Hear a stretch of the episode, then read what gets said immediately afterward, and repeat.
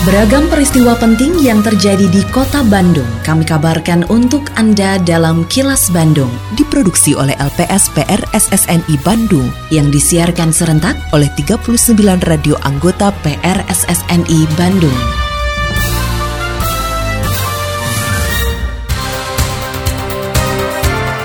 Sejumlah informasi aktual kami hadirkan untuk Anda dan inilah informasi utamanya. Kota Bandung jajaki kolaborasi dengan Kota Konjik. Operasional kereta cepat Jakarta-Bandung diharapkan tidak kembali tertunda. Menjelang Nataru, Polda Jabar mulai tingkatkan pengamanan objek vital. Saya, Santika Sari Sumantri, inilah kilas Bandung selengkapnya. Kota Bandung dan Kota Konjik di Bosnia Herzegovina mewacanakan kolaborasi di sejumlah bidang, seperti pariwisata dan pendidikan termasuk pertukaran pelajar. Kedua kota juga akan menjajaki pembentukan kerjasama Sister City. Rencana kolaborasi terjalin setelah Duta Besar Bosnia dan Herzegovina untuk Indonesia, Mehmet Halilovic, bertemu dengan Wali Kota Bandung, Yana Mulyana. Usai pertemuan, Yana menyatakan menyambut baik rencana kolaborasi tersebut. Pasalnya kota Bandung memang tidak memiliki sumber daya alam, tapi sumber daya manusianya mampu meningkatkan potensi yang ada. Selain itu, kota Bandung merupakan ibu kota Jawa Barat yang juga pusat ekonomi dan kota metropolitan aglomerasi Bandung Raya. Yana berharap penjajakan kerjasama bisa dilakukan secepatnya, namun harus dengan penentuan yang maksimal sehingga keuntungan bisa diperoleh oleh kedua kota. Selama ini Kota Bandung sudah menjalin sister city dengan dua kota di Eropa yaitu Braunschweig di Jerman dan kota Namur di Belgia. Mudah-mudahan dengan pertemuan pada hari ini kami Kota Bandung bisa menjalin kerjasama dengan Bosnia dan uh, Herzegovina. Dinas Komunikasi dan Informatika atau Diskominfo Kota Bandung mengalokasikan anggaran 3,5 miliar rupiah untuk pengadaan layanan kamera pengawas atau CCTV pada tahun depan. Kepala Diskominfo Kota Bandung Yayan Ahmad Berliana mengatakan pengadaan tersebut merupakan bentuk sewa kepada pihak ketiga sehingga pihaknya tidak perlu membangun infrastruktur namun setelah tiga tahun akan menjadi milik Diskominfo. Anggaran digunakan untuk pemasangan CCTV di 30 titik yang memantau tempat rawan kecelakaan juga pelanggaran K3 seperti kriminalitas, keamanan, dan ketertiban. Yayan mencontohkan CCTV di Jalan Braga yang dilengkapi berbagai sensor, termasuk mampu menghitung jumlah warga yang lalu lalang. Bahkan ke depannya CCTV di kota Bandung bisa mendeteksi warga yang belum membayar pajak. Kalau di saya itu lebih pada memonitor di tempat-tempat yang rawan, baik rawan kecelakaan maupun rawan pelanggaran K3. Ada kriminalitas, ada keamanan, ada ketertiban, yang semuanya terkoneksi ke BCC Bandung Common Center. Braga kita bisa menghitung berapa jumlah yang lalu lalang. Ke depannya bisa diintegrasikan dengan yang membayar pajak. Jadi akan ketahuan ketika orang itu bayar pajak atau tidak.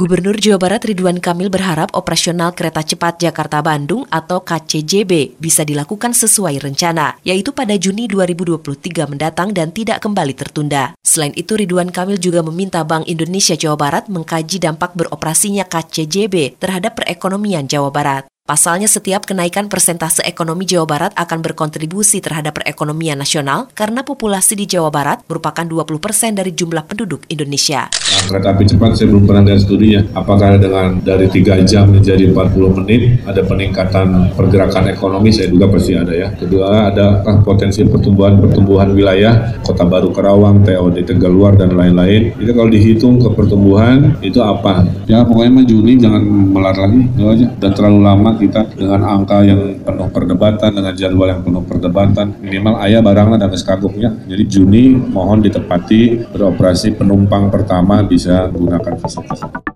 Pelaksana tugas Kepala Perwakilan Bank Indonesia Provinsi Jawa Barat Bambang Pramono mengapresiasi positif usulan adanya kajian terhadap dampak kereta cepat Jakarta-Bandung atau KCJB. Oleh karena itu pihaknya akan bekerja sama dengan Ikatan Sarjana Ekonomi Indonesia atau ISEI untuk melakukan kajian tersebut. Bambang mengatakan adanya kereta api cepat Jakarta-Bandung akan membuka peluang pertumbuhan ekonomi baru, terutama di sejumlah daerah yang menjadi tempat pemberhentian kereta api cepat. Sektor properti diperkirakan menjadi salah satu yang terdampak, meski masih perlu kajian mengenai besaran kenaikannya. Selain sektor properti, melalui kajian tersebut bisa diketahui sektor lainnya yang terdampak oleh KCJB. Saya rasa nanti akan spesifik khusus mengenai kajian ekonomi. Nanti beberapa tempat jadi ada kayak pos berhentinya kereta api cepat itu sendiri itu bisa jadi suatu peluang menurut saya gitu loh. Tapi secara intuitif kan waktu yang diperlukan bayangin yang tadinya macet ini bisa semakin berkurang orang kebanyakan menengah ke atas kan tentunya akan menggunakan transportasi itu nggak lagi menggunakan mobil mungkin seperti itu kan. Kalau dihitung secara ekonomi ya polusi yang terjadi bensin yang mungkin berkurang itu kan bisa diukur lah secara ekonomi.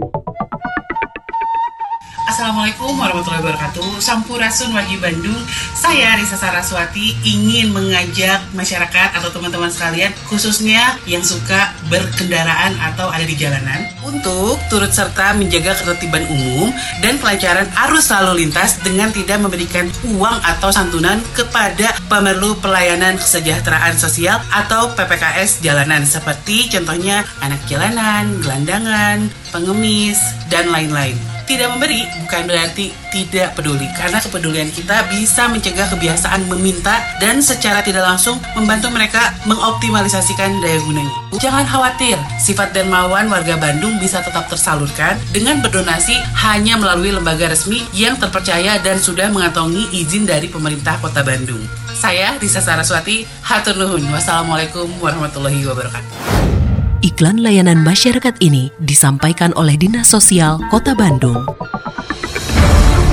Kini, audio podcast siaran Kilas Bandung dan berbagai informasi menarik lainnya bisa Anda akses di laman kilasbandungnews.com.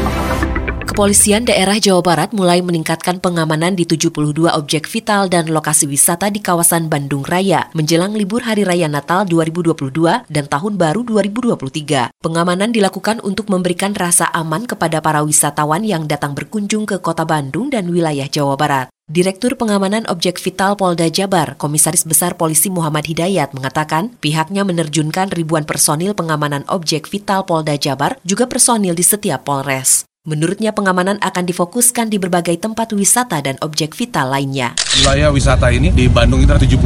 Nah, ini lokasi ini akan dibagi oleh pengamanan Sat Samapta yang di bawahnya ada unit-unit Pamofit di Polres-Polres. Ya khusus Kota Bandung 24 tentunya lokasi wisata ini juga menjadi atensi kami dan Polda Jabar akan bekerjasama dengan Polres-Polres jajaran dari mulai Polres Tabes Kota Bandung itu kebetulan ada satuan pengamanan objek vitalnya sendiri.